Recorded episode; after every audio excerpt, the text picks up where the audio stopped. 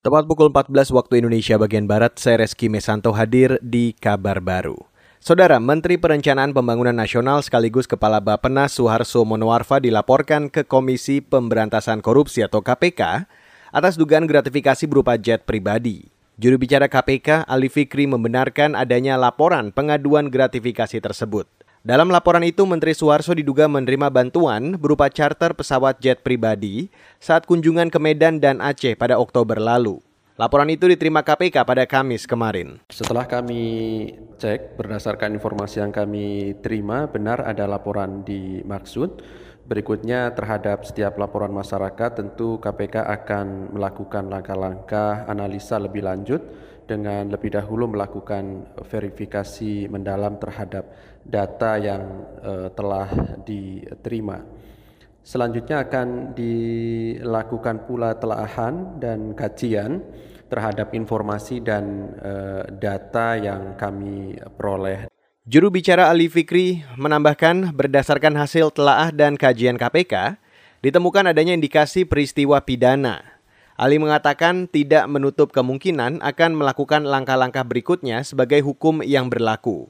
Menteri Suharso Monoarfa saat ini juga menjabat pelaksana tugas Ketua Umum P3.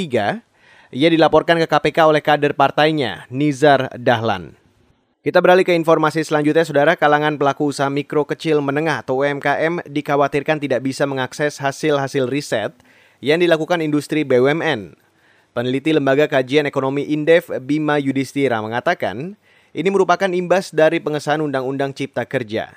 Bima mengatakan kegiatan riset dan penelitian BUMN di Undang-Undang Cipta Kerja tidak memperjelas terkait kemanfaatan umum dari riset BUMN. Riset yang dilakukan nantinya dengan dana dari BUMN, entah dana langsung ataupun CSR misalnya, ini harus bisa diakses secara nasional dan punya kontribusi secara nasional. Tapi ini saya khawatir yang terjadi adalah BUMN melakukan penelitian tetapi digunakan memang untuk pengembangan bisnisnya sendiri ya misalkan uh, penelitian terkait dengan uh, meningkatkan penjualan produk tapi itu tidak bisa diakses oleh pelaku usaha lainnya atau diakses oleh UMKM. Peneliti Indef Bima Yudhistira mengatakan tantangan bagi BUMN yang mendukung riset dan inovasi secara nasional adalah hasil riset semestinya bisa diakses oleh berbagai kalangan. Sebelumnya, Undang-Undang BUMN tahun 2003 mendapat pembaruan dengan adanya Undang-Undang Cipta Kerja Nomor 10 tahun 2020, pasal 66 terkait penugasan riset.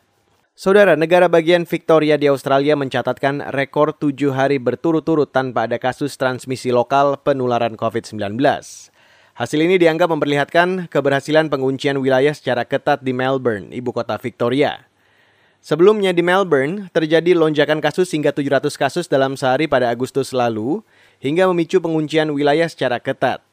Mengutip Reuters, Gubernur Victoria Daniel Andrew mengatakan akan memperlonggar aturan berpergian antar kota di Victoria.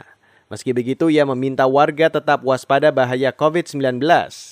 Wisatawan dari Selandia Baru juga diizinkan terbang langsung ke Melbourne dan tidak perlu menjalani karantina saat tiba. Demikian kabar baru KBR saya Reski Mesanto.